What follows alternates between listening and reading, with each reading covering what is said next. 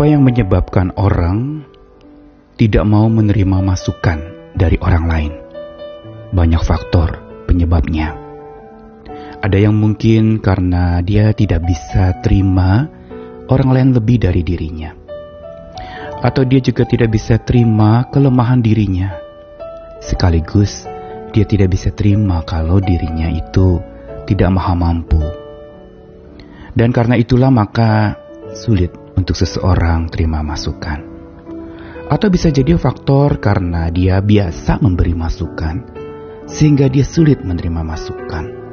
Sudah terbiasa dengan profesi atau pekerjaannya yang menjadi pemimpin, yang mengatur, yang memerintah, yang memberikan ujangan-ujangan atau nasihat kepada orang lain sehingga karena sering membuka mulut memberi masukan, telinganya tertutup untuk menerima masukan.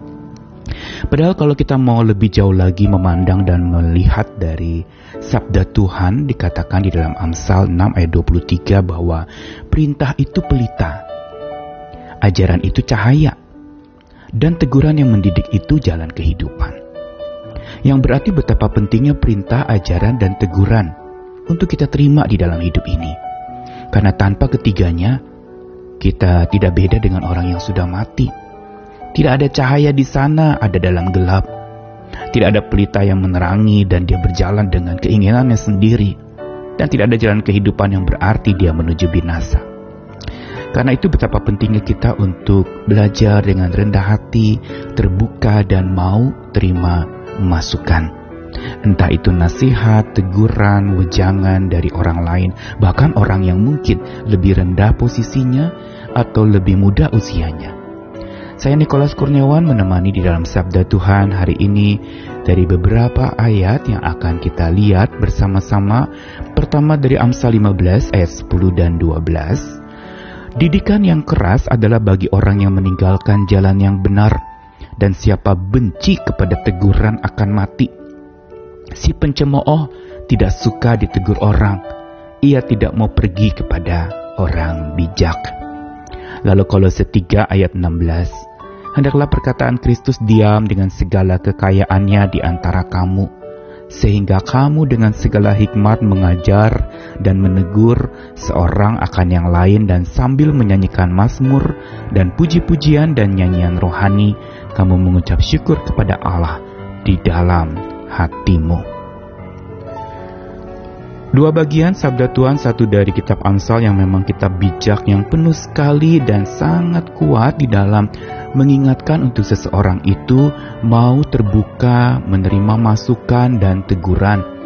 Karena ditegaskan dengan banyak sekali dalam ayat-ayat Amsal bahwa siapa yang abaikan teguran akan tersesat, siapa yang benci teguran adalah dungu, dan siapa yang bahkan benci pada teguran akan mati seperti ayat yang tadi dibacakan. Dan itu yang menyebabkan kita harusnya memang menjadi pribadi-pribadi yang makin terus terbuka dan mau menerima masukan. Apa pun itu. Memang kita tentu saja harus punya filter dulu untuk bisa menerimanya. Tapi bukan berarti kita tolak mentah-mentah apa yang dikatakan orang tentang kita dan kepada kita. Dan kitab suci mengajarkan serta merancangkan sebuah kehidupan yang bukan saja urusan vertikal dengan Tuhan dalam hubungan yang karib di keimanan, tetapi juga hubungan yang dekat dengan sesama manusia di mana ada etika dan aturan yang dibangun di sana untuk hidup di dalam cinta kasih yang keterbukaannya sangat diutamakan. Terbuka untuk menegur tapi juga terbuka untuk ditegur dan inilah sebenarnya tanda seorang yang dewasa, yang bukan saja bicara menegur, tetapi dia juga mau ditegur. Dan kalaupun menegur, harusnya memang orang bijak akan menegur secara langsung. Kitab suci pun mengatur untuk kita menegur empat mata. Bicara secara pribadi, bukan bicara kepada banyak pribadi dan kepada banyak orang. Karena itu tidak pernah akan sampai kepada orang yang dia sebenarnya ingin tegur. Karenanya, apa yang Amsal katakan di sini mengingatkan kita sebagai tanda awas bahwa kalau didikan yang keras itu adalah bagi orang yang meninggalkan jalan yang benar Dan siapa yang membenci kepada didikan yang keras itu, yang berupa teguran itu, dikatakan dengan sangat keras dalam Amsal 15 ayat 10 tadi, akan mati. Saya mula-mula bertanya kenapa begitu keras ayat ini.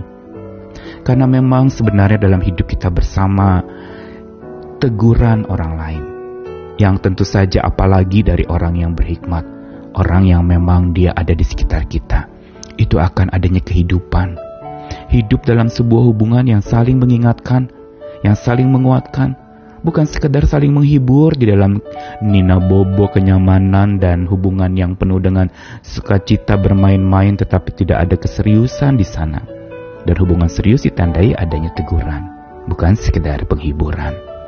Karena itulah maka dikatakan siapa benci pada teguran akan mati mau menegaskan kepada kita bahwa akan mati pula lah sebuah hubungan karena hanya akan ada satu orang saja, satu pihak saja yang mengatur, memimpin, menegur, tapi dia tidak mau ditegur. Dan kalaupun dia menegur, tentu saja dengan cara yang salah. Dan lebih tajam lagi ayat 12 tadi dikatakan si pencemooh tidak suka ditegur orang. Ini awal mula dan cikal bakal seseorang tidak suka ditegur, yaitu dia suka mencemooh. Dia sangat pandai berbicara tentang kelemahan orang lain kepada banyak orang tetapi dia sendiri tidak suka ditegur oleh orang dan tidak mau dirinya dibicarakan oleh banyak orang, padahal sebenarnya dia adalah pribadi yang sungguh buruk dan berkarakter sangat sering melukai. Karena itu, Amsal dengan tajam mengatakan, orang yang mencemooh tidak suka ditegur orang dan ia tidak mau pergi kepada orang bijak. Kata pencemooh di sini bukan sekedar pencemooh dengan kata-kata, tapi dalam hatinya pun penuh cemooh penuh celaan kepada orang. Dan karena dipenuhi dengan timbunan cemoohan dan celaan di dalam diri seseorang, ada kecaman di sana, maka hubungan pun tidak akan menjadi sangat baik. Dia bisa jadi menjadi racun atau toksik buat orang lain. Tetapi bila dia terbuka mau ditegur dan belajar menegur dengan baik, maka di situlah sebenarnya kita akan bertumbuh. Sebagaimana apa yang dikatakan dalam Kolose 3 ayat 16, hendaklah perkataan Kristus yang diam di dalam segala kekayaannya di antara hubungan kita dengan sesama kita. Sehingga dengan hikmat kita saling menegur, mengajar seorang akan yang lain sambil menyanyikan mazmur, puji-pujian, nyanyian rohani, dan bersyukur kepada Allah di dalam hati. Dengan kata lain, apa yang dikatakan Kolose adalah bahwa perkataan Tuhan sajalah yang harusnya diam dengan segala kekayaannya dalam kita mengajar, menegur. Begitu juga dalam kita terbuka untuk diajar dan ditegur. Karenanya mari kita belajar bahwa sabda Tuhan sebenarnya sungguh memberikan kepada kita masukan yang sangat kuat. Karena itu kita harus terbuka terus sama masukan-masukan dari sabda Tuhan sambil berdoa Tuhan mampukan saya juga untuk mau terima masukan dari orang lain dan juga mau memberikan masukan kepada orang lain secara langsung tegur empat mata dan bicara dengannya supaya hubungan menjadi makin baik. Karena dengan menerima masukan, nasihat, dan teguran dari orang lain itu mencegah kita dari sikap takabur. Tetapi yang tidak mau menerima akan menghancurkan dirinya sendiri. Terimalah teguran, terimalah masukan, terimalah nasihat, supaya kita tercegah dari sikap takabur dan sombong atau pongah yang menyebabkan justru diri kita hancur sendiri.